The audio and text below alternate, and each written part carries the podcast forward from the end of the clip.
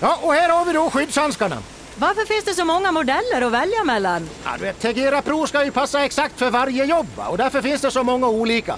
Och glöm inte att rätt skyddshandske gör halva jobbet. Okej, då tar jag två. Tegera Pro, skyddshandskar för yrkesproffs. Just nu får du extra hjälp att välja i butik.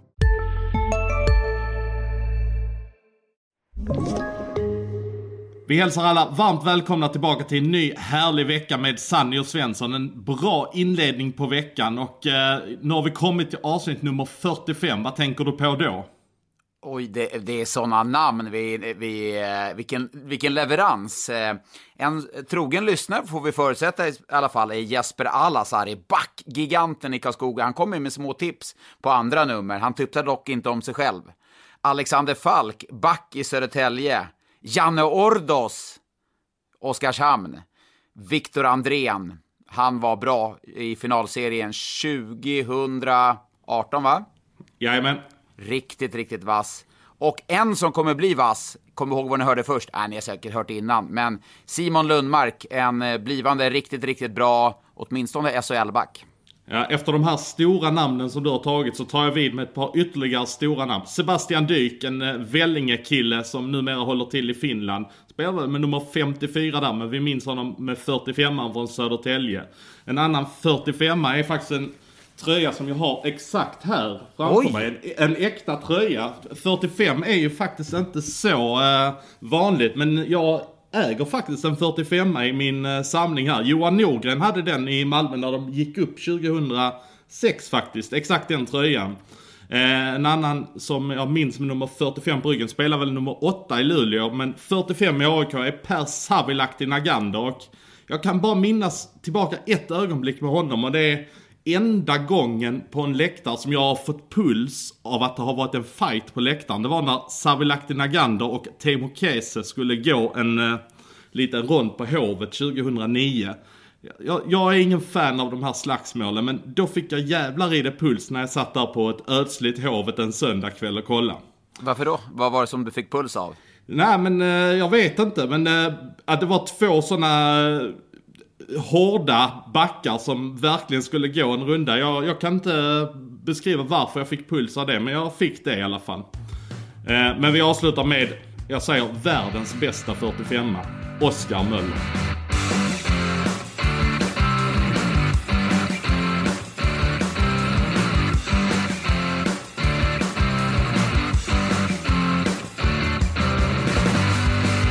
Från veckan som har varit så har Sanny Lindström varit ute på vägarna och han eh, var nere i Jönköping. Han tog en liten tur där längs riksväg 26 och landade i Jönköping för att kolla på HV mot eh, Linköping och då eh, var han lite småimponerad av Linköping tyckte jag mig fick en känsla av när vi pratade där på torsdagskvällen. Vet du, du bygger upp nästan som att jag ska prata mig själv i tredje person här. Jag är så otroligt sugen på det och prata om mig själv som Sanne Lindström nu när jag fått en eh, nä, nästan det känns overkligt stort när du pratar om Sanne Lindström var där och där.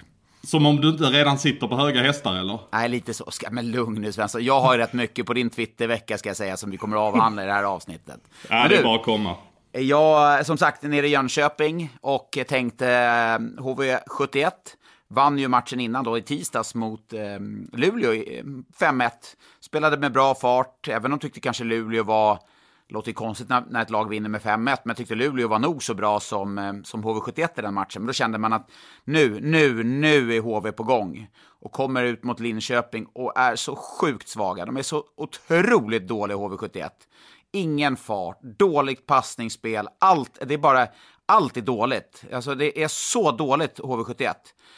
Och de följer upp det med en match som jag satt igår i söndags och kollade på när de mötte eh, Skellefteå, för jag var bara tvungen att kolla, verifiera, var det 12 skott man hade på mål på hemmaplan? Var det Så, verkligen så, så, dåligt? så då, då satt du en söndag och gick igenom en match där alltså? Ja, fråga inte min familj vad jag gjort den här, eh, vad jag gjort på söndagen, för därefter har det varit Hockeyallsvenskan också. Satt och, och spikade och kollade Modo mot Västerås. Nej, men jag var ju tvungen att kolla på det för att bara se, var var det sämre än, än mot Linköping, eller vad var det? Och det, alltså, det var bland det sämsta jag sett HV71 prestera. Eh, i alla fall, jag tror det är sju eller åtta år som jag har jobbat som så kallad expert. Alltid när, när, när folk inte håller med mig, då säger de att man är en så kallad expert. Ja, vad skulle du själv definiera dig som då? Så kallad expert. Eftersom Ja, jag inte själv vet vilket ben jag står på ibland. Nej, eh, exakt. nej, men alltså HV71, det är ju kris. Är det ett, stark, är det ett för starkt ord? Men det, det är där vi ligger nu med HV71. Det siffrorna, de underliggande siffrorna, de skapar inte tillräckligt farliga lägen för, för att kunna bli effektiva och göra mål. Eh, de bästa spelarna är inte bäst. De bästa spelarna kanske till och med är de sämsta. Den senaste veckan har ju Oskar Olausson varit jättebra. Hugo Alnefelt har varit grym, men utöver det så Erik Martinsson har varit okej, men Kinnvall okej, men därefter är det underkänt på alla händer och fötter i stort sett. Får jag lov att bryta in? Jag såg faktiskt en fråga swisha förbi i Twitterflödet där just angående Oskar Olausson. Där Mats Svensson undrar hur många mål ska man göra för att få namnet på tröjan? Det är väl ändå en bra fråga där tycker jag. Det är ett ämne som jag, som jag brinner för. Men nu är det ju så som eh, Dammis har ju, är ju, han är ju inte där hela tiden, han är ju sjukskriven. Eh, så att eh, det kan ju vara en sån anledning. För hade Dammis varit där så hade Olausson suttit på tröjan, det är jag helt övertygad om. Det är det det handlar om alltså. Det handlar inte om att han inte har fått ett A-lagskontrakt då. Nej, nej, nej, det, det är Dammis att han inte är där. Hade Dammis varit där så hade han löst Olausson innan han klev innanför dörren. Vad är det du gillar med Olausson då? Farten, eh, kraften, styrkan, vågar hålla i pucken, eh, vågar åka i tuff trafik, hitta passningsmöjligheter, skicklig. Han är så född 02. Inför säsongen så var det väl så här, ska den här vara med i JVM? Ja, kanske, kanske inte. Det är en spännande spelare, men redan på försäsongen var han bra och nu tycker jag han han har till och med gått förbi Sion Nybeck som är en, eh, vi ska säga Sion Nybeck är ju en jättefin spelare och en stor talang, men Olausson tycker jag har gått bort, eh, gått förbi honom. Och man såg också eh, när, mot Linköping när Alexander Bergström skadades så eh, klev han in där och spelade powerplay. Det tyder på att man har ett jäkla stort förtroende. Ja men HV som du var inne på, eh, vad, vad är det som händer och varför har det blivit på det här sättet? Har du någon förklaring till det? Alltså det, det är många parametrar som jag, som jag tror här. Jag, jag tror, vi har varit inne på det här med mm, ledarskapet. Jag tror att det är en mardrömstart såklart för, för eh, Niklas Ram som ny headcoach. Grymt ambitiös, eh, jättehockeykunnig. Jag tvivlar inte på att han är en duktig tränare. Men när man kommer så fel in i en säsong, det, det är tufft att vända på alltså. Men de hade jag- ju vänt. Jag tyckte ju ändå de hade vänt det. De, de var liksom medvetna. De hade de fyra raka torskarna som de inledde säsongen med. Men sen tycker jag ändå de hittar in i någonting. Men nu är det som att de har fallit tillbaka igen. Ja, men det var ju, de fick ju en liten Kinnvall-effekt där kändes det som när han kom tillbaka. Eh, men den gångna veckan tog man då fyra av nio poäng och då tycker man, nej men det, det är väl okej ändå.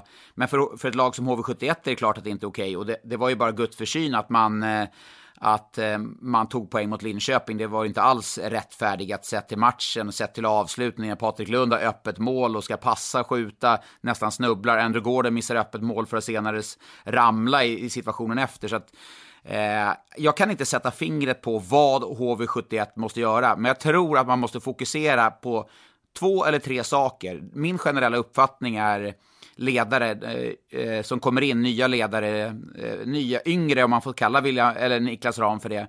Man vill väldigt mycket, man vill förändra allt, eh, vilket gör att det blir, till slut blir det ganska otydligt i spelartruppen. Tror man bara fokuserar på två, tre, två till tre saker eh, som man ska fokusera på inför, inför varje match och sen bygga vidare på det. Man ska inte göra det svårare än vad det är. Här, var, här skulle jag ju bygga upp att du skulle prata gott om Linköping. Så Ja, började kan negga det? ner Kan- fullständigt på HV71. Men kan vi inte prata lite om Linköping? Det är, un- det är ungefär, jag har samma relation till Linköping som du har till Örebro. Du, du, du kan alltid slingra dig från Örebro och jag slingrar mig från Linköping kanske. ja, det, det känns så va. Men eh, nu, jag har inte fått någon tillsägelse här från eh, Mattias under veckan. Så att, eh, jag antar att han var nöjd med senaste avsnittet. Ja, ja men det, det, det är väl positivt att höra. Men om vi då går till Linköping, som, som du var inne på där innan jag blev lite för hög på mig själv när vi pratade om Sanne Lindström i tredje person. Eh, Linköping är, de är på gång. De är rejält på gång. Eh, min uppfattning efter att ha följt dem ganska nära här både mot Oskarshamn och eh, HV71, det är att, eh, hur ska jag säga det? Bert har tagit ett steg tillbaka lite. Helt annat kroppsspråk på bänken, en helt annan energi ger han till laget. Jag tror att han med hans ambitiösa och hans vilja kunde kanske sprida lite negativ energi eh, genom ganska hård. Vi såg i fjol till exempel där med Eddie Larsson på bänken och sådana saker. Eh, han lever sig in, han är passionerad, det går ju inte att ifrågasätta. Men jag tror som lagmässigt så tror jag att spelargruppen har fått tagit tag i väldigt mycket här i samband med att man kom tillbaka från det här eh, coronan när man var borta i stort sett tre veckor från matchspel. Eh, försvarsspelet mycket bättre, mycket tydligare, vilket gör att motståndare inte kommer in och får lika mycket tid i anfallszon. Det är en klar skillnad mot tidigare. Och det tillskriver du spelartruppen då, eller? Jag, ja, jag tror att de har sagt eh, att de, eh, lite som vi var inne på att Malmö har gjort, att spelarna har sagt att det går kanske inte att spela på det här sättet, så har man då eh, kommit fram till någonting.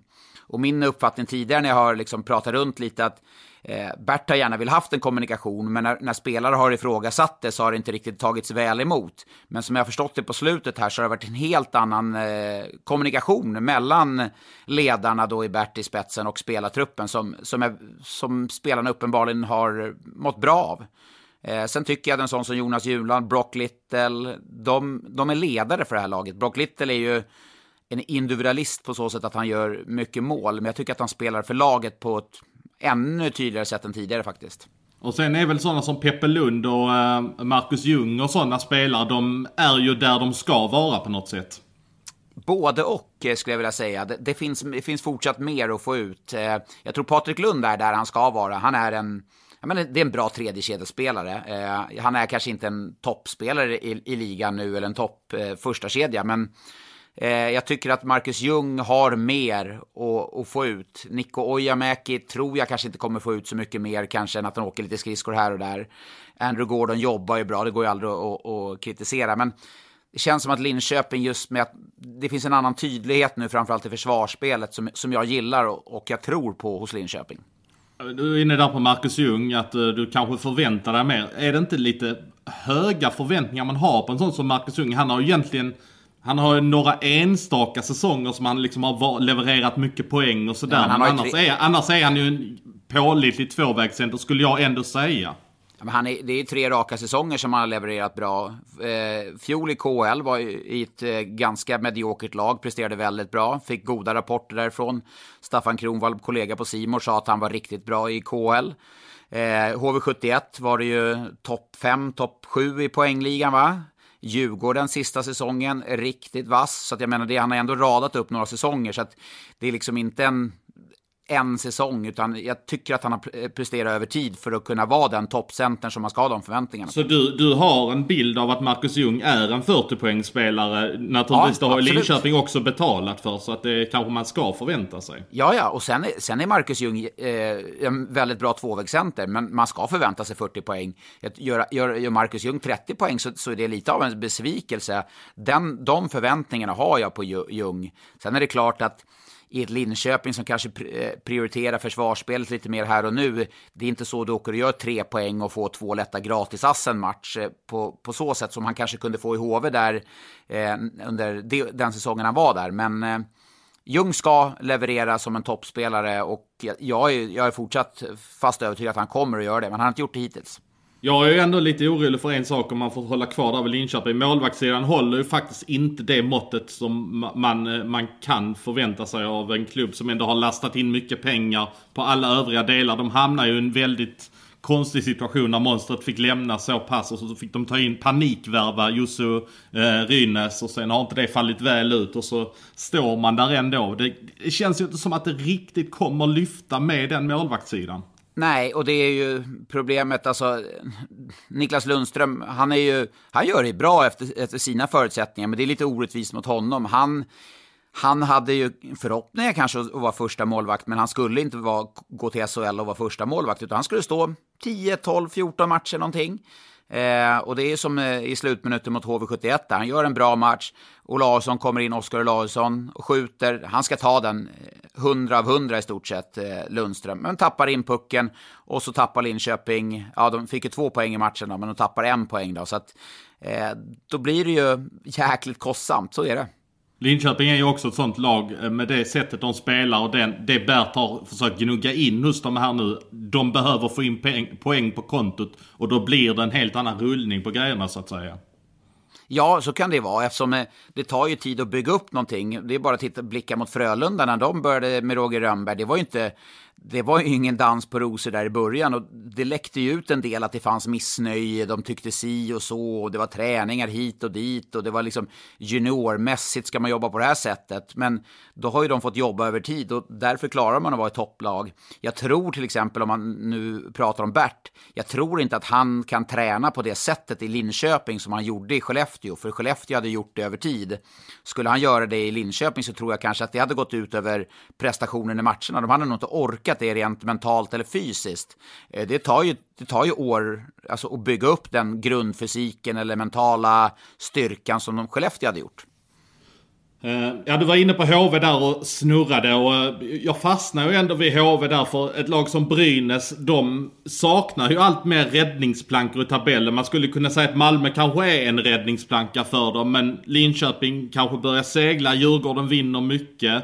Är det rent av så att man kan säga HV som räddningsplanka. Det har jag ju personligen svårt att se att HV skulle bli inblandad i en sån strid där nere. Så att jag börjar hitta svårt med plankor för Brynäs att klara sig undan det här kvalet. Om man får säga det, HV71 sitter ju på sätt och vis i en drömsits. Missförstå mig rätt men man kommer tappa Elias Andersson. Eh, du slår fast att man kommer tappa Elias Andersson? Ja, men Elias du... Andersson kommer ju åka tillbaka och jag tror, jag tror inte det att det är det bästa för Elias Anderssons karriär. Eh, jag tror att han bara skulle behöva kanske en, två, tre säsonger lugn och hitta glädje, harmoni, eh, känsla för hockey igen. Men Los Angeles kommer ta över honom. Då kommer ju HV av allt att döma tappa honom. Där har du 280 000 som du, din baklängesräkning som du gjorde i samband med hans avstängning. Du har Linus Sandin, det är väl kanske en hundring plus i lön någonting, säger vi 100 000. Där har du då 280 000. Skulle HV då värva två spelare med dag hur marknaden ser ut idag så kan man hitta kompetent, två kompetenta spelare nästan för halva pengen.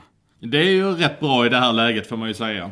För att de kan ju inte gå ut och värva för fulla summan, eller klart de kan, det gör ju de såklart som de vill, men med tanke på att personal har eh, eh, gått ner i lön och spelartruppen lika så, så, är det ju såklart oansvarigt att lägga alla pengar på, på nyförvärv. Men skulle du få in två spelare, jämngoda spelare, till exempel, ta in Shane Harper som var i Örebro i fjol. Shane Harper skulle ju inte göra det sämre än vad Linus Sandin har gjort i inledningen av säsongen, där vi har varit inne på att Linus Sandin han är ju mentalt redan över overseas, som vi säger. Men Elias Andersson, uh, han har väl, uh, ja han är väl ändå rätt hygglig får man säga. Han har ju, det har blivit lite hattigt för honom med avstängningen och så här. Men han levererar väl ändå på en hyfsad nivå får man ändå säga. Han blir ju inte helt lätt att ersätta ändå. Även om du har mycket pengar att leka med så att säga. Eh, ja, alltså, som Elias Andersson eh, namnet Elias Andersson, det är svårt att ersätta. Men som Elias Andersson har spelat den här säsongen så tycker jag inte att det är svårt att ersätta. Det får vi faktiskt vara ärliga och säga. Och det tror jag Elias är den första att skriva under. Men här tror jag, ja, det handlar ju inte om Elias kompetens som hockeyspelare. Här tror jag det, det är långt mycket mycket mer tror jag som har pågått sen han var 18-19 år med den pressen, JVM, den här medaljen, rakt över till New York Rangers, spela VM, VM-guld, alltså det, Alltså det har snurrat sjukt snabbt för honom eh, de senaste åren och jag tror någonstans måste man bara stanna upp. Killen är ju liksom, vad är han, 22 år? Han är född 98 ja. Ja, han har ju en meritlista som han här 32. SM-guld, VM-guld, JVM, alltså spela eh, final, spela NHL, alltså det är ju sånt som eh, vanliga hockeyspelare inte uppnår på en hel karriär. Nej men om man tittar tillbaka, vad är det de tre senaste åren?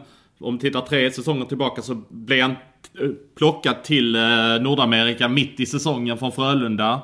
Och sen så började han i Nordamerika och då fick han komma hem. Det blev struligt med New York Rangers. Jag vet inte om jag är ytterligare en säsong tillbaka nu. Och nu blir han inlånad till HV. Skulle vara där hela säsongen. Blev tradad till Los Angeles. Och nu ska han helt plötsligt över. Det blir ju otroligt hattigt för honom.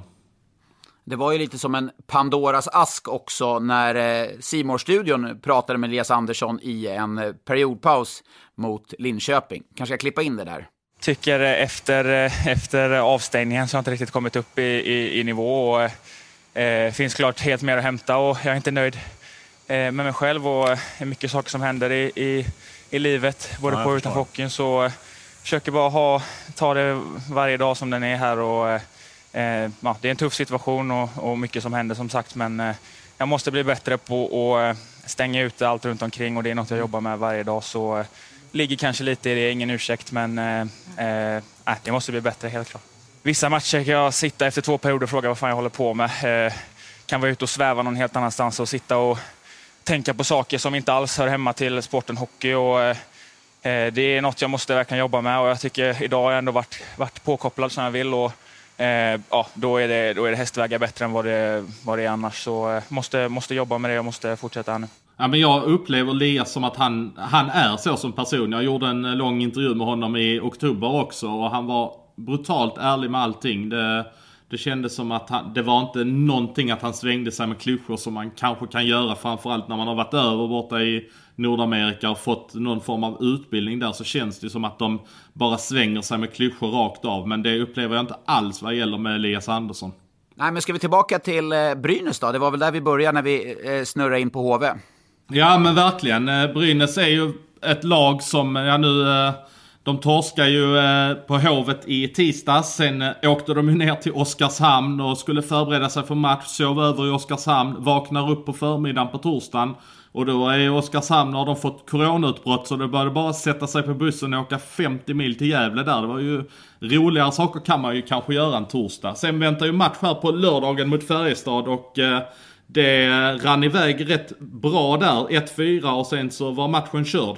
Ja, och det är egentligen samma sak som mot Djurgården. Eh, eh, Peter Andersson pratar om att prestationer är bra, men misstagen kostar dem mycket. Men misstagen, det, det, man är ju så överambitiös och, och stundtals rätt dumma i spelet. Det är också många av de, de mest rutinerade spelarna. Jag tänker mot eh, mot Djurgården där. Man spelade svinbra i 19 minuter. Man kan, hade inte Mantas Armali stått på huvudet så hade man kunnat haft 3, 4-0 kanske. Och istället mellan minut 19 och minut 20 så gör Djurgården tre mål. 3-0 går Djurgården till eh, pausvila och där är matchen körd. Och då tittar man på de här målen. Det är liksom Simon Bertilsson tappar markering. Det är dålig, dåligt pressspel i anfallszon, för enkelt. Och mot Färjestad i lördags, det är samma sak där. Man har 2-1 underläge. Man har alltså 3-4 jättechanser inom loppet av en halv minut. Sen tappar Anton Rudin pucken på offensiv blå. Han åker och byter, Färjestad vänder och så blir det 3-1. Och sen strax därefter blir det 4-1. Man går bort sig bakom mål. Det är liksom så här, det är sådana juniormisstag och då kan man prata, och det här har blivit bättre, spela med, med puck, det här är bättre. Men när man gör de där misstagen så spelar det fan ingen roll hur mycket bättre du gör de andra sakerna, för du blir så jäkla straffad.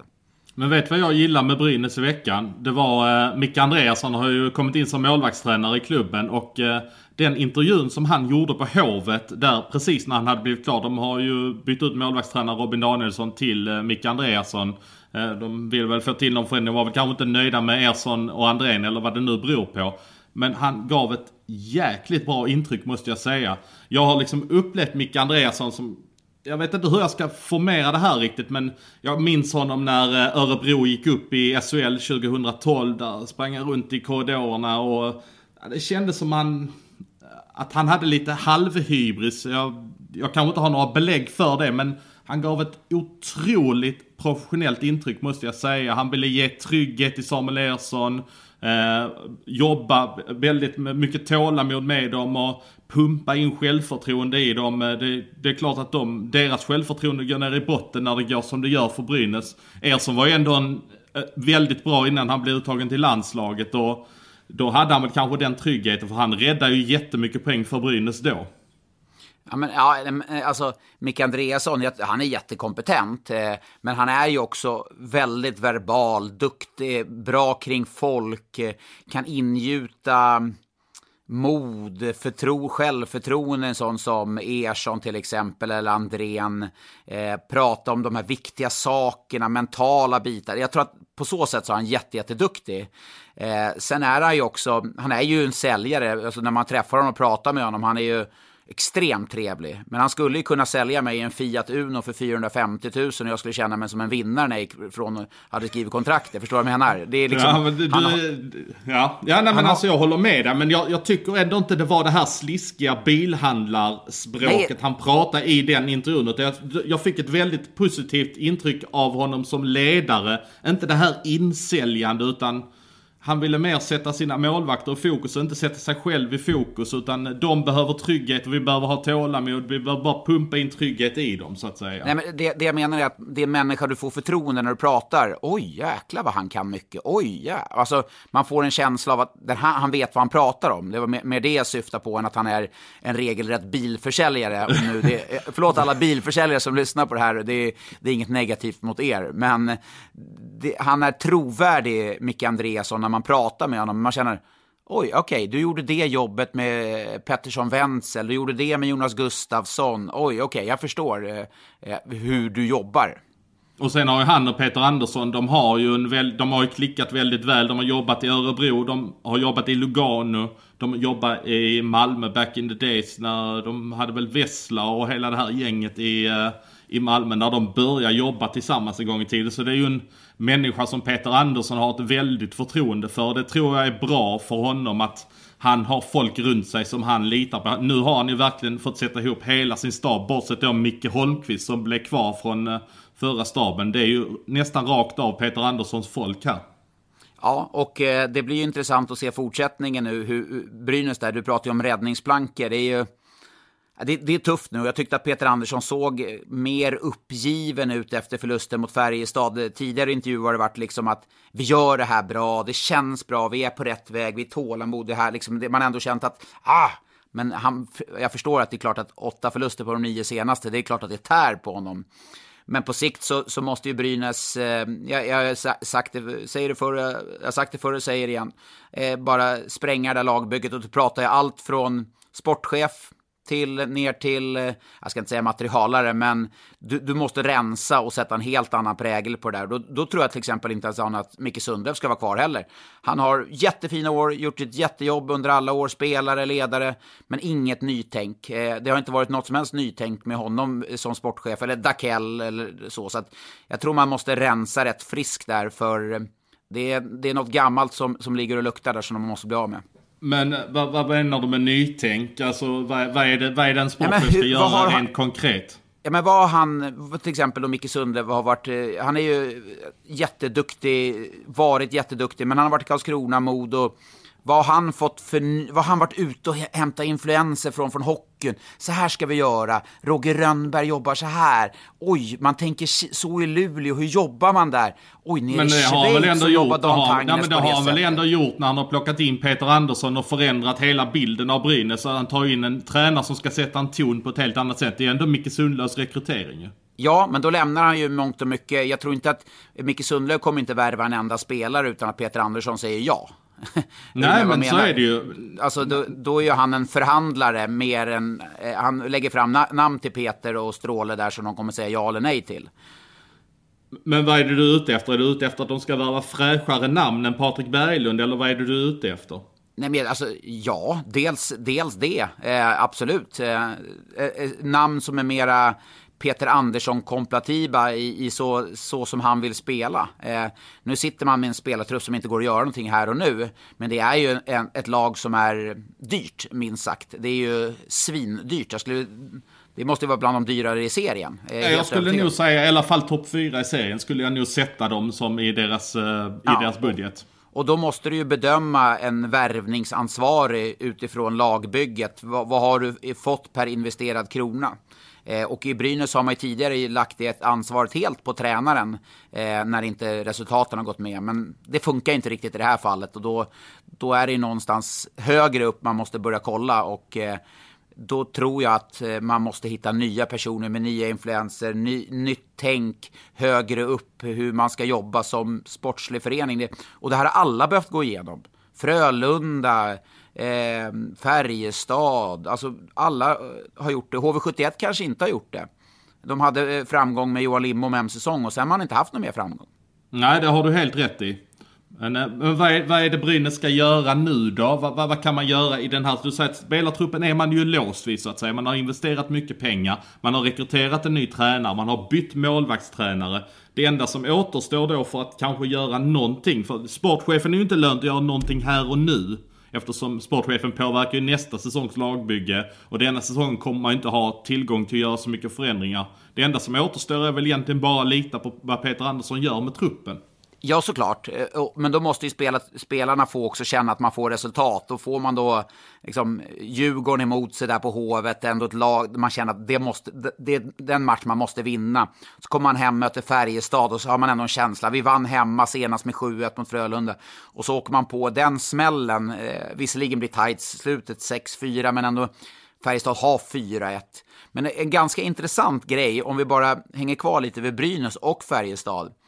Eh, Henrik Westlund skrev en, eh, han taggade både mig och eh, lokaljournalister i, i Karlstad och eh, Gävle. Han, då skrev han, han har börjat fundera på en trade mellan Blum och Sigalet. Båda backarna har betydligt mer att ge. Blum är överflödig i Färjestad eh, och Brynäs behöver en powerplayback. Samtidigt har Brynäs mängder med defensiva backar och Färjestad har mer nytta av Sigalet än Blum. Vad tror du? Den, den gick jag igång på. Ja, men du går igång med allting med trades och Blum, känns det som. Nej, Blum har jag aldrig... Ah, det var Måsik jag skulle trada tidigare. Ja, det, var, Måsik du skulle... Ja, förlåt, ja, ja. förlåt, förlåt. Nej, men alltså den... Färjestad har ju ett... Eh, de skulle behöva en bra defensiv back som ändå Sigalet är. Eh, och eh, Brynäs skulle ju verkligen behöva en spelskicklig back som Blum ändå är. Absolut, det skulle ju, eh, då skulle man ju inte behövt spela Marcus Björk så mycket som, jag, jag, tror ju inte Peter Andersson vill spela Marcus Björk så mycket som han ändå måste göra nu. För det var ju ändå en spelare som han valde att skicka bort när han hade honom i Malmö till exempel. Så att eh, det är ju ingen dum trade på det sättet. Och är det någon gång en trade kanske skulle fungera så är det ju ändå två importer som kanske inte har den anknytningen till de, de städerna som de bor i. Visst, det kan ju bli en nu säger jag ett ord som jag inte ska. Det blir ju en process som förflyttar sig. Oj! Där blev det en liten cash-in där ja. Ja men eh, det, det ordet passar väldigt väl när det gäller Brynäs också överlag. Men... Eh, Vilket ord tänkte du på? Nej men... Hej, Synoptik här. Visste du att solens UV-strålar kan vara skadliga och åldra dina ögon i förtid? Kom in till oss så hjälper vi dig att hitta rätt solglasögon som skyddar dina ögon. Välkommen till Synoptik. Just nu pågår vår stora season sale med fantastiska priser på möbler och inredning. Passa på att fynda till hemmets alla rum, inne som ute, senast den 6 maj. Gör dig redo för sommar. Välkommen till Mio. Nej, jag ska inte säga det igen. Nej men det, det, det, det, passar ju ändå bra på två importer. De har kanske familjer men det går ju att flytta mellan Karlstad och Gävle på det sättet. Och det skulle kanske vara bra för båda eh, individerna. Sigalet kanske vill eh, få chansen att spela ett slutspel igen. Och Blam spelar väl kanske för eh, sin framtid nästa säsong som han har varit väldigt tydlig med att påpeka. Vad tror vi Henrik Westlund? Eh, är det någon som Peter Jakobsson och Sundlöv skulle kunna gå igång på? Ja, varför inte? Du går igång på det, så varför skulle inte de kunna gå igång på det? Då, slå, då slår vi fast det. Tack för tipset, Henrik. Jag sticker faktiskt emellan här med en fråga direkt som just rör Brynäs. Så det kommer från LJP 1970. En, eh, en aktiv frågeställare. Rögle-supporter vet jag att han är. Uh, han ställer en fråga så här. Nu måste det väl ändå hända något i HV, Brynäs och MIF. Eh, corona eller inte, har man råd att inte förändra ledarsidan i dessa klubbarna? Ena matchen är en del av spelet, okej, okay. nästa är just den delen cirkus. Det är resultatet av dåligt ledarskap för mig i alla fall. Det är en intressant frågeställning. HV71 är ju ett lag som tidigare inte har varit rädda för att dra i nödbromsen ganska tidigt, eh, eller livlinan om man så får säga. Johan Lindbom egentligen som en blixt från klar himmel, vann guld och så året efter. Vad hände här? Eh, Andreas Johansson där eh, gjorde en säsong och så trodde man att det skulle flyta på nästa säsong och fick foten rakt ut i dörren och vet inte, han landade, han ett treårskontrakt i Modo till och med kanske eh, när han fick sparken där. Ja, men eh, jag vet inte. Malmö ska definitivt inte göra någonting med Fagervall. Jag tror att han, eller han har ett stort förtroende eh, i spelartruppen. Jag tycker att Malmös spel har blivit bättre. Man har ett sämre lag i år. Eh, även om det inte är så dåligt att man måste kunna spela in mer poäng.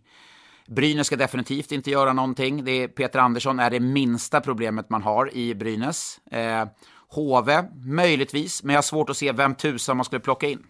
Ja men eh, det, det kommer ju ändå naturligt här. Ska man ändå slå en signal ner till Skanör Falsterbo och ringa Stefan Lund. Eh, pallar eh, Niklas Ram den prestigen och blir åsidosatt och Stefan Lund tar över? Nej, alltså. Ram har ju ett stort hjärta för HV, så att han skulle väl kanske göra det som är bäst för HV71. Men skulle man göra det så skulle det ju... Ram skulle ju aldrig kunna bli headcoach igen i HV71. Det, det förtroendet skulle han aldrig ha bland spelarna, eh, eftersom det är flertalet spelare som kommer att vara kvar nästa år, eh, om då Lillis kommer in resterande delen den här säsongen.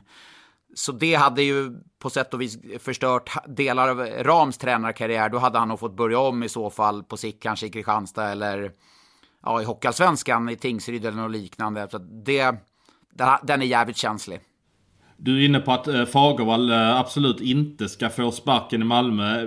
Vad bygger du det på? Alltså jag menar, eh, han får ju inte resultaten med sig heller och det är en resultatbaserad sport vi håller på med så då får du gärna argumentera varför du får inte ta ekonomikortet i det här läget då. Jag tycker att Fagervall är en bra ledare. Han är inte kanske den tydliga spelidén som Peter Andersson hade. Men han är en ledare som kan bygga ett lag. Eh, han är uppskattad av spelarna. Spelarna får ett stort ansvar. Eh, de har tagit också det ansvaret och sagt ifrån. Vi vill spela med mer kontrollerade ingångar, hålla i pucken mer genom mittzon, inte bara eh, skicka in och ut puckarna. Eh, komma mer att man inte kommer lika djupt i egen zon när man ska gå på anfall. Så det är sådana saker eh, som han har varit lyhörd för och det respekterar man som spelare jag tror inte att det är ett... Jag, jag ser inte att någon annan ledare på marknaden skulle kunna göra ett bättre jobb än vad Fagervall gör. Nej, jag, jag, kan hålla med dig om att det har, det har, ju sett allt bättre ut och även de här två förlustmatcherna. Nu var jag inte jätteimponerad av Växjö-matchen. Jag tyckte Växjö var, Växjö var grymt Växjö-igga mot eh, Malmö här i torsdags när jag såg dem. De fick eh, ledningen och sen tyckte jag inte det var något snack om saken att eh, de visst, skulle visst vinna bra den matchen. Visst är de bra i år, Växjö? Ja, jag tycker de är, de är bra utan att märka ut sig på något sätt. Om man får säga så. Men de, de samlar ju in poängen och de är, de är svåra att komma in på. Eh, de är bra. Jag tyckte Viktor Fast var jättebra i mål. Eh, där har de ju fått en bra situation med Källgren och Fast. Eh, där Fast verkar ha fattat grejen att jag måste vara jäkligt bra om jag ska förstå matcher. Och det var han när jag såg honom mot Malmö i torsdags. De skapade en hel del chanser i första perioden. Sen tyckte jag att det var Växjö de bara, de bara lät matchen gå. De var, det var de duktiga på även 2018 när de vann guldet. Plus att de hade typ världens bästa junior i sitt lag också då. Så att Eh, nej, de är, de är faktiskt på gång blicka, där. Blicka framåt då. Blicka framåt då. Va, hur långt kan Växjö gå i år? Jag skulle kunna dra till med att Växjö skulle kunna gå till semifinal utan tvekan. Ja, jag kan ja, se men... det framför mig. Eh, det, jag tycker de, eh, de håller en jämn nivå. Får de eh, ledningen i matcherna så är de grymt svårslagna. Ja, bra backsida har man i år också tycker jag. Nu fick de tillbaka Koivisto också eh, som, eh, så nu har de ju, nu har de ju, och de Melart kom väl tillbaka för en tid sen och och han är ju bra Melart alltså. Det, ja. det, var inte bara förra säsongen när han kom in och, och var vass. Han kanske inte kommer göra lika många mål. Men han har ett bra skott och ja, de nyttjar honom på ett bra sätt. Men jag satt och tittade på Leksand på eh, TV eh, och du var ju uppe i Leksand och eh, inte bara tittade på matchen, du blickade in i en restaurang och la ut en tweet om det också. Och det tog hus i hela helvete. Herregud, jag började, jag började skumma igenom de där svaren lite. Och det ja, var ju, men det, det, det, men det var ganska hård. Tröttsamt. Ja, det blir ju rätt så tröttsamt med alla som ska hålla på och svänga sig med det. Nu ska vi lägga ner skolor och nu är det gatsten som ska säljas hit och dit. Det blir ju en massa sånt dravel så fort Leksand kommer på tal. Så Leksand är ju väldigt utsatta. Folk älskar ju att hacka på Leksand och det blir ju som att jag på något sätt sparkar in en dörr. Nu jävlar ska vi gå till attack mot Leksand. Men jag, jag blev faktiskt lite sådär när jag såg men vad, den. Vad blev du arg på? Att, att eh, ja, men, restaurangfolket ja, satt på läktaren? Nej men, nej men alltså jag blev inte arg. Jag blev mest bara Alltså vad är det här? Att det sitter en massa folk ute på en läktare. Jag förstår konceptet som Leksand har. Att de har ju en restaurang. Där man, eh, där folket Käkar. som är gäster, Ja. där, där folket som är gäster i restaurangen, när, när matchen pågår så går de ut och sätter sig på läktaren. Och det här är ju ett aktivt beslut som Leksand tog 2005 när de byggde arenan tillsammans med sin supporterförening att vi vill inte ha en massa matgäster som sitter och äter ute i arenarummet för att vi, vi, vi vill inte ha det så utan restauranggästerna ska sitta på en läktare. Och själva grejen med att restauranggäster får gå på hockeymatcher nu är ju faktiskt att man går på en restaurang och det råkar vara hockey som utspelar sig samtidigt. Det är ju det som är konceptet för att du ska få till restauranggäster. Det är inte så att restaurangplatser är tillåtna på hockey utan det är ju restauranger där du Ja. råkar få se en hockeymatch. Okej, och här satt... Okej, du reagerar att de satt på läktaren och de satt inte på sina stolar och käkade då menar du? Utan Nej men exakt, där är ju inget serverings eller alkoholtillstånd på de stolarna och så, och så sitter det en massa folk på läktaren där. Det är ju två eller tre rader som den lilla läktaren är. Och, Fattar, jag fattar. Så att jag blev mest bara, jag menar då hade ju Skellefteå och Oskarshamn som också har restauranger eh, ute som inte är ut mot arenarummet och som också har liknande koncept där deras restauranggäster har, är tilldelade en sittplats. Då hade de också kunnat göra det. Men det har ju inte de fått och där blir det lite skevt Ja, okej. med olika myndigheter som... Och det här är ju inte Leksands IS fel egentligen utan det är ju myndigheterna som har gått med på det. Så rent regelmässigt så gör ju Leksand inget fel utan det är ju mer en moral och samvetesfråga i det här läget. Det är ju samma sak som att ska jag åka runt på hockeymatcher i det här läget? Ska jag göra det? Ja, jag värderar det varje gång.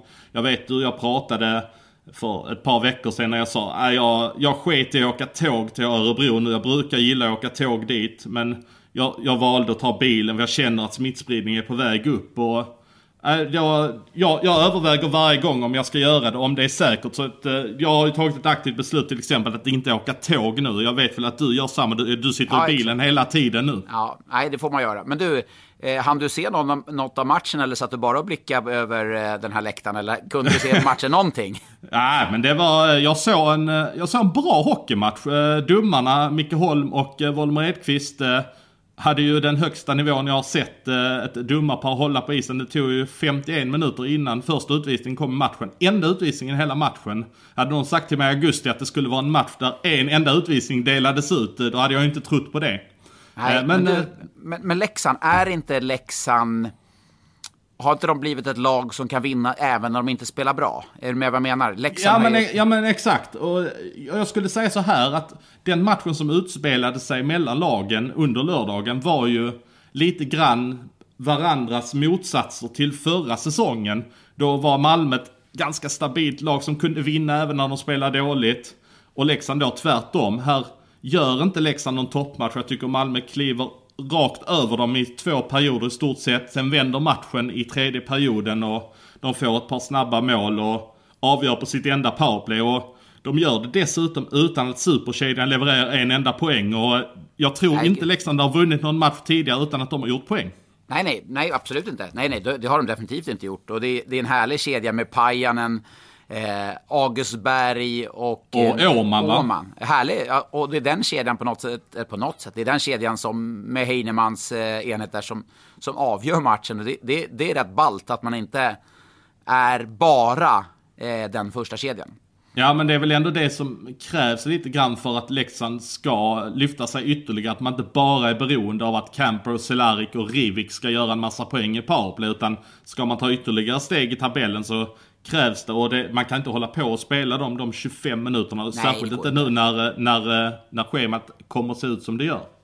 Nej, då blir det tisdag, torsdag, lördag. Det, så, så, så kommer det inte bli. Och därför är behovet att eh, fler spelare levererar. Och ganska, om man då drar en parallell till Djurgården så har de klarat sig utan sina bästa spelare. Sin eh, Marek Rivik och Jakob Josefsson eller sin Cehlárik i Dick Axelsson till exempel.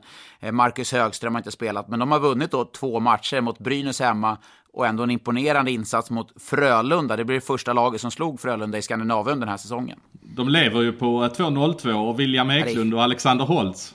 Ja, det, är ju, det är ju läckert. Eh, Men kunde, det, du se att, kunde du se framför dig när säsongen började att William Eklund skulle vara så här bra? Nej, det kom, kunde ingen göra. Det, det definitivt ing, ingen, kunde, un, ingen kunde förutspå det. Eh, inte ens, tror inte ens Robert Olsson eller eh, någon annan i sin vildaste fantasi kunde tro det. Men det är, det är det som är roligt med varje säsong så lämnar spelare och hur ska man ersätta den här spelaren och den här profilen och den stjärnan. Men det kommer alltid nya, det är det som är så förbannat roligt. Men eh, det kommer ju ändå bli ett litet problem för Djurgården. Kanske inte så litet heller. När just de två, kanske Oskar Berzelius, när de tas ut i den här Greve, Albin Greve, Greve Tobias såklart Björnfot. också. Alltså det är, de, de kan tappa liksom fem gubbar i JVM och vi snackar alltså upp till 12 matcher. Alltså 12, det, alltså 12 matcher, förstår du? Det, det är så brutalt mycket. Då, då är det ju två tredjedelar av Djurgårdens första kedja liksom, som, som, som försvinner. 12 matcher är ju faktiskt snudd på 25% av en säsong. Ja, alltså det är, det är ju helt absurda siffror. Alltså, tänk, tänk dig du vad du... Ja, det, är, det är galet och då Djurgården tvingas klara sig utan dem. Jag menar, skulle det vilja sig riktigt illa, då kan ju Djurgården hamna in i en rejäl gegga där nere med, med Brynäs och Malmö till exempel. Eh, och eh, med Jakob Josefssons skadehistorik så, så är det såklart jäkligt oroligt. Så att det är viktigt för dem att få in Rakhshani. Ret Rakhshani, ja det ska bli intressant att se. Har du hört någonting när han ska börja lira eller? Jag har förstått det som att det blir till, till veckan här, eller under den här veckan. Eh, han landade ju i eh, lördags, eh, han var med på en Skype-intervju, han är för härlig, Ret Rakhshani, men med Ja, på det är ju, det är Skype-intervju. ju, alltså det där, jag har aldrig sett, det är ju en, det är en människa som du, han kan ju inte vara grinig eller sur. Jag kan inte se det framför mig. Nej, men därför, få, därför kan han ju vara runt i olika lag och, och liksom kliva rakt in i vilket omklädningsrum som helst och sprida energi. Och det skulle ju vara kul att, att se om man då får, bygga lagbygget lite i, i Djurgården och, och titta om man skulle om man skulle bygga vidare på Kalle Östman som jag tycker har tagit kliv nu när han har spelat med Eklund och Holtz. Du får Jakob Josefsson kanske med en Dick Axelsson och Rakhshani. Du har en Strandberg med en Ågren och en Bock eller en Bergfors. Då är du uppe på tre rätt bra kedjor. Ja men det tycker jag. Eh, Men då, det, det är ju först efter att JVM är avslutat vi kommer hamna på de kedjorna. Så är det, och det är väl det som är eh, eh, den nöten som de måste knäcka. Men söndagar är ju, det har du hyllat tidigare. Jag, jag hade en härlig söndag. Jag slog mig ner framför tvn och så kollade jag på eh, Björklöven Väsby och så eh, fick jag se. Andreas Hansson är ett fynd av Simon förresten måste jag säga. Han är Ja, grym du- som jag- kommentator. Jag såg du berömde honom eh, när du klev ner från din höga häst där på Twitter. Eh, så, så tycker jag att du var, hade en ödmjuk framtoning och berömde honom. Det, gläd, det, det gladde mig. Ja precis, nu har vi kallat varandra hög häst en gång så nu kan vi sluta med det då.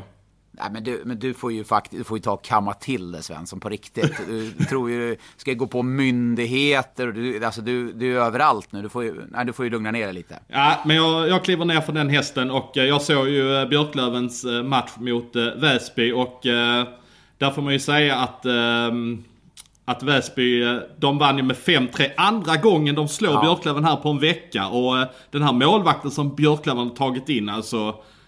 Jag kan ju säga så här att han håller inte måttet. Alltså han hade ju knappt tagit en badboll som det är i dagsläget. Han har varit direkt svag måste jag säga. Det där är ju inte ens nära på en ersättare till Kevin Polan. Nej, och det är ju såklart ett eh, jätteproblem för dem nu, även om eh, Polan kommer komma tillbaka. Men eh, nej, alltså det är ju en omställning för Ingram och jag har ju ändå sett honom i, i JVM eh, göra det helt, ja men, ah, alltså några matcher stå helt okej. Men ändå, det är ändå en spelare som Tampa trodde på, vidare till Nashville. Nej, jävligt oroväckande. Men statsen han hade i fjol, det vittnade ändå om att fan, det är en bra målvakt. Alltså han, han hade ju över 93 i räddningsprocent i Milwaukee i AHL. Det är ju grymma siffror.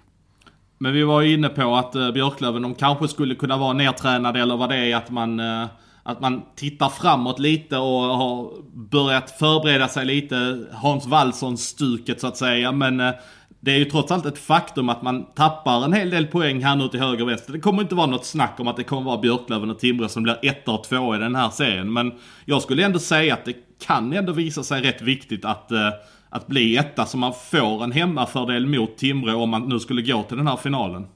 Definitivt. Alltså Timrå är ju stekheta. Eh, jag har sett att det har varit lite diskussion att all, många har sagt att eh, Södertälje är Hockeyallsvenskans hetaste lag. Nej, nej, nej. Det är ju Timrå. Elva raka segrar har ju Timrå. Så att, eh, eh det- kommer bli ett grymt härligt race. Och jag menar, när Björklöven har kommit in i en negativ trend här med den pressen de ändå har på sig.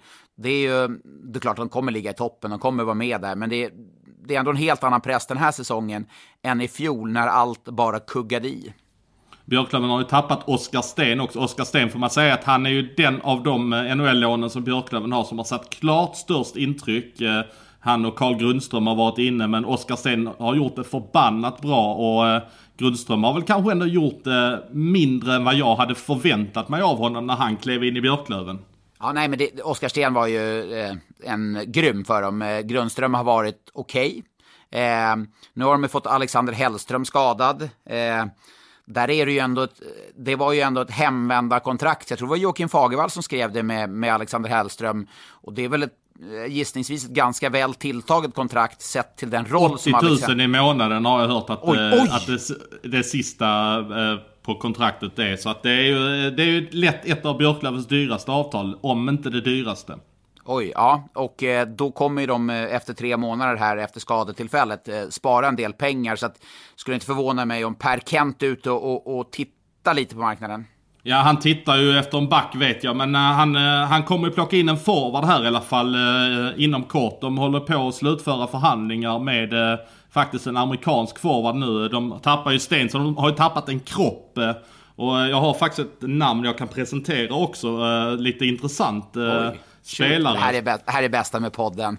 Ja, jag älskar ja, det. visst är det härligt. Nu, ja, nu, ska vi, nu ska vi skjuta ut honom här. Han heter Grant Bess. Bessie eller Bess. Bessie säger man nog. Eh, spelade Krefeld förra året. Eh, 36 poäng på 48 matcher i tyska Oj. ligan. Det är starka papper måste jag säga. Oj, eh, ta namnet igen. Här är, nu, nu, nu, nu, nu springer eh, knapparna på tangenterna här på, på Elite Prospect. Vad hette han? Grant Bessie heter han. Alltså Grant och så B-E-S-S-E. Oj, eh, oj. 26 år. Eh, draftad eh, också eh, 2013 av Anaheim Ducks. Jag vet inte om han har gjort några NHL-matcher. Nej, inga NHL-matcher. Men spelade lite AHL. Kom ju från University of Wisconsin och... Eh, eh, men sitt första år i fjol då var ju i Krefeld och går in och gör 36 poäng på 48 matcher. Det vittnar ändå om att du har en offensiv bra nivå. Alltså, det är ju att gå ner i hockeyals eller ner. Ja, det får man ändå säga. Ner i hockeyallsvenskan. Det borde ju tala för att det ska kunna vara en riktigt bra spelare. Som jag förstår det så är ju det här en målskytt som man kommer få in. Han gjorde ändå 20 baljor förra året i Krefeld. Så att eh, det här kan ju vara någon som, eh, ja, kanske på sikt eh, eh, ta Carl Grundströms plats som vinge i en första kedja eller eh, William Eriksson är uppe och spelar i tredje kedjan nu till exempel. Att man, att man hittar en eh, bra roll till honom. Han kommer säkert få spela powerplay också. Men är, pratar vi, är, det, är det klart eller är det nära eller är det bara rykten? Nej, det är inte bara rykten. Alltså det här kommer ju bli klart under veckan. Så att eh, det är, de har inget påskrivet eh, avtal som jag förstår det. Utan det kommer att bli klart här under veckan. Så att eh, han är klar men han har inte skrivit på. Utan de är överens om allting. Så att eh, han kommer bli klar här i veckan i Umeå. Ja, jag såg ju Björklöven och sen eh, spelade ju Modo faktiskt match mot Västerås och eh, det vann de rätt så klart där. Du tittar ju lite närmare på den matchen. Jag tittar inte på hela den fullständigt men eh, du kan väl berätta vad du såg av den matchen? Eh, jag såg Edvin Hedberg göra sin bästa match i Modotröjan. Bra fart. Jag gillar den kedjan med Å Agard. Agard säger man va? Mikael Ågård. Två A på danska blir Å. Ja, du har ju lättare för danskarna än vad jag har. Ågård alltså, Agård trodde jag det var. Ågård, Hedberg och Svenningsson. Svenningsson tycker jag har kommit igång efter tränarbytet. Han hängde lite löst där när Ville Nieminen var där. Men den kedjan har en jäkla bra fart. Eh, och de jag tycker de var bra idag, Modo, direkt från start. Eh, om vi då tittar lite på Västerås, spelar svårt. Man försöker överbelasta väldigt mycket i egen zon. Men när man inte är riktigt påkopplad, då, då, man, ligger, man hamnar på efterkälken, man släpper en gubbe fri. Och det hände flera gånger för Modos del, så att, att de blev fria och snabbt tog 2-0. Och då kändes den matchen, den var över då. Så jag tycker Modo gör en bra match, ändå studsar tillbaka med två raka vinster. Även om det lilla jag såg, ska jag säga, mot Väsby så var det inte en, en klockren insats, men det var ändå en vinst för dem. Ja, de vann ju i alla fall mot Väsby. Det är ju mer än vad kollegorna lite norrut i Umeå gjorde. Men du, jag gjorde en annan spaning eh, i eh, Västerås. Jag undrar hur det är med en sån som Joakim Hilding och eh, Isak Skedung där. Eh, tycker inte de har samma bett till skridskoåkning, samma ork. Eh, undrar hur deras fysiska status är, om det ja, med, med rådande omständigheter med, med sjukdomar och allting, hur det har varit. Jag har ingen insyn i det, men det känns som att de ligger efter rent träningsmässigt. De orkar liksom inte de orkar inte spela på en hög nivå över tid för Västerås. Och det tycker jag är, det är ett stort problem för Västerås här och nu som, som, som jag är rätt osäkra på. Isak Skedung var ju en sån spelare som Västerås trodde jättemycket på. Han gjorde det väldigt bra förra säsongen. Avslutade på ett bra sätt. Eh, att man tänkte att det här är ju en spelare som kan vara bärande för vårt lag den här säsongen. Så Västerås har ju ändå, de har inte så flashigt lag utan det är ett väldigt hårt jobbande lag med Henrik Hetta och eh, och de här spelartyperna. Ja, ja. Så att eh, man behöver någon som kan sticka ut och kanske bryta lite mönster. Och där vet jag att man hade stora förhoppningar. Nu är ju Viktor Hertzberg också som en sån som kan bryta lite mönster. Nu har han ju hjärnskakning till exempel. Mm. Så att, Sam, eh, de, Sam de... Marklund kom in, ringde på morgonen och sa jag är sjuk. Fick inte komma då så att han, han har inte gjort debut än. Men han kommer ju bli en viktig spelare för dem här när han väl eh, är i match, matchtempo och matchredo. Han passar nog in i det sättet som Västerås vill spela och det, det spelet de vill stå för med det här eh, lag, lagbygget som de har, tror jag. Mm, men Hilding Skedung där, det var en liten spaning jag gjorde. Eh, undrar hur deras fysiska status är. De, de, är ju som du säger, det är två spelare som är, kan bryta mönster, kan göra saker. Eh, och duktiga spelare har visat det på den nivån. Framförallt Hilding med eh, dels i SHL och eh, i Karlskrona där som han var med och tog upp i SHL igen. Ja, vi, eh, tiden går fort när man har roligt och eh, jag tycker att vi tar lite frågor här som avslutning innan vi ska tävla lite grann och jag ska ställa dig ordentligt mot väggen. Eh, jag tar en fråga direkt från Robin Rosborg som ändå har kommit in här lite frekvent på sista tiden. Han undrar så här, tränarnas flykter från intervjuer. Det börjar bli smått patetiskt när tränare efter tränare sticker från intervjuer, även fast frågorna är schyssta. Och då kan vi väl eh, summera det här med att eh, det började väl med att Sam Hallam försvann från en intervju och sen så var det Robert Olsson som försvann från en intervju och sen så var det väl Jocke Fagervall också här under lördagen som eh, lämnade en intervju där han sa att nu orkar jag inte mer eller någonting sånt. Eh, och lämnade en intervju. Jag kan förstå att det här sticker ögonen på folk och jag kan väl ta tillbaka till den här intervjun med Sam eh, som han gjorde, som han lämnade intervjun där han skickade en liten pik till eh, Thomas Berglund och när jag såg den intervjun första gången så tänkte jag, vad fan håller han på med? Men så tittar jag ändå på den i sin helhet och då är det ju faktiskt så att Sam Hallam, han står ju faktiskt och pratar i två minuter, svarar på frågorna. Ja, ja. Och det känns som, det, det är så segdraget. Och när det rycks från sitt sammanhang, att han bara lämnar, så kan man ju få uppfattningen av att det, det där var det enda som utspelade sig. Men det är ju faktiskt ett faktum att han stod och svarade i två minuter på frågor innan han lämnar intervjun. Så Sam måste jag skydda. Och jag måste också skydda Robert Olsson. Det har jag redan gjort en gång tidigare. För att han gjorde det innan känslorna tog över och han sa dumma saker. Så det tyckte jag var ett moget agerande från eh, Robert Olsson. Och när det gäller Fagervall-intervjun så har jag faktiskt inte ens sett den i efterhand, men det har ju du. Ja, nej men alltså han, han är väl mer, han, han gör ju inte annat än att förlorar och varje gång så ställer han upp på en intervju och är det inte då en trippinggrej som mot Rögle där som han rasar på eller förbannad eller så kanske det är något misstag. Till slut har man, man har ju man har inte tillräckligt med svar på, på frågorna. Det är ju så att jag, jag sitter ju lite på dubbla stolar här, men jag kan ju verkligen förstå att tränaren blir så här, nej men jag orkar inte svara på det här mer. Alltså det, för det är olika kommentatorer varje gång och de, de, de söker, det är journalister, de söker ju svaren. Liksom. De, de måste ju ställa frågorna. Eh, men jag förstår ju att en sån som Fagervall som har förlorat mycket blir less. Peter Andersson har haft gott humör trots allt, men jag menar ett par, tre förluster till, då är, då är det knappt törs man sträcka, jag skulle fan inte sträcka fram micken till Peter Andersson efter en match nu, när han, om han får en två, tre förluster till. Eh, Hockeypulver eh, frågar, Raymond, Eklund och Holst i samma kedja under JVM? Eller smartast att dela upp dem? Låter i alla fall som en livsfarlig uppställning i powerplay. Eh, det är ganska intressant där med tanke på att Eklund har tagit de enorma kliven. Det var ju annars, annars första kedjan skulle ju varit Raymond, Karl Henriksson från Frölunda och Holtz. De var tillsammans i U18-VM, spelade grymt bra tillsammans. Nu tycker jag att Eklund nästan kan driva en egen kedja. Han skulle kunna driva en andra kedja med man säger sånt som Gunler kanske i, nu i Brynäs eller Olausson på en kant som jag tycker har varit bra.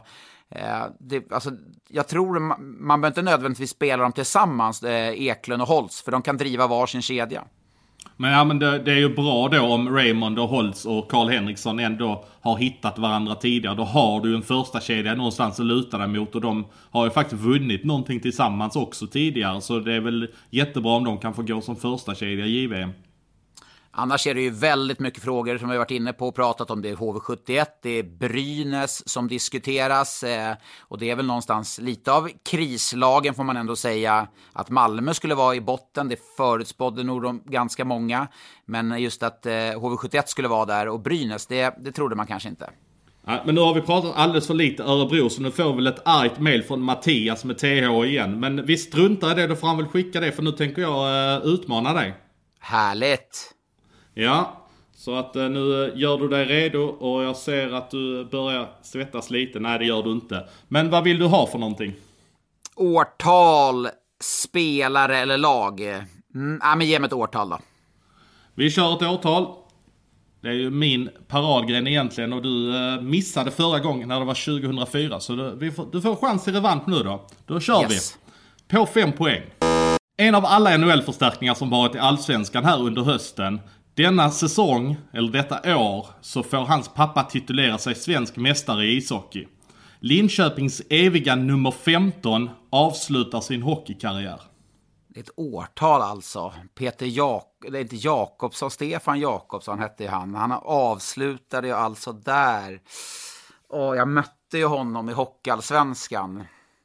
Och du är het idag. Jag känner att du, du är något på spåren här direkt avsluta sin hockeykarriär i Linköping eller avsluta sin hockeykarriär... Alltså, I Linköping. I Linköping. Och jag mötte honom mitt hockeyallsvenska...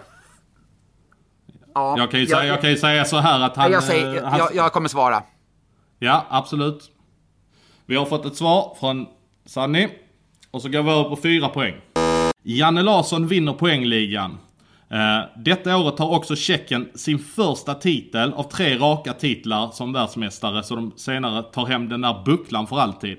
Men det är klart att du också ska få en mello-ledtråd när vi pratar årtal. Take Me To Your Heaven med Charlotte Nilsson vinner. Känner du dig trygg med ditt svar eller? Nej det gör jag inte, men jag står fast vid det. Jag har inget ja, val. Det, det, det får du göra. På tre poäng. Pavel Brendel draftas som nummer fyra. Linköping går upp i elitserien, Björklöven åker ut. Det är 23 oktober en mörk dag för svensk fotboll när Malmö FF åker ur hockey, eller inte hockeyallsvenskan, åker ur allsvenskan ska jag säga. Mörk dag för svensk fotboll skulle jag till och med kunna dra till att uh, Mästa Mästarna åker ur. Nej, jag, jag känner mig trygg nu. Ja men vad härligt. Vancouver draftar ett svenskt brödrapar som blev ganska skapliga i NHL. Brynäs vinner SM-guld den 18 april och jag skulle kalla det för en av tidernas största skrällar i en SM-final. Och nu, är du, nu känner du dig väldigt säker va? Ja, men nu, nu, kän, nu känns det bra. Nu känns det bra. Och på var... en poäng. Och på en poäng då.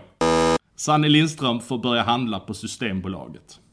Ja, 1999. Ja, men det var ju bra. Riktigt bra. Första femman för säsongen för dig. Ja, nej, Stefan Jakobsson mötte jag i, eh, han var ju fruktansvärt bra och han mötte jag mm, eh, två år i Huddinge.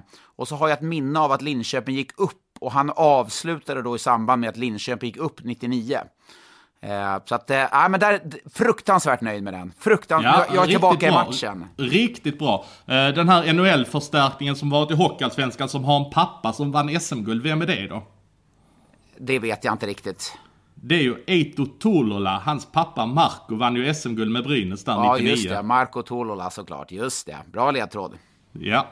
Ja men grymt. Det var en bra avslutning att du fick en femma så att du är med i matchen här igen. Ja, nej, men underbart. Nu kan, den här kommer jag segla runt på hela veckan eh, och bara stolt som en kyrktupp kommer jag Vi tackar för idag med den eh, kommentaren och så hörs vi igen.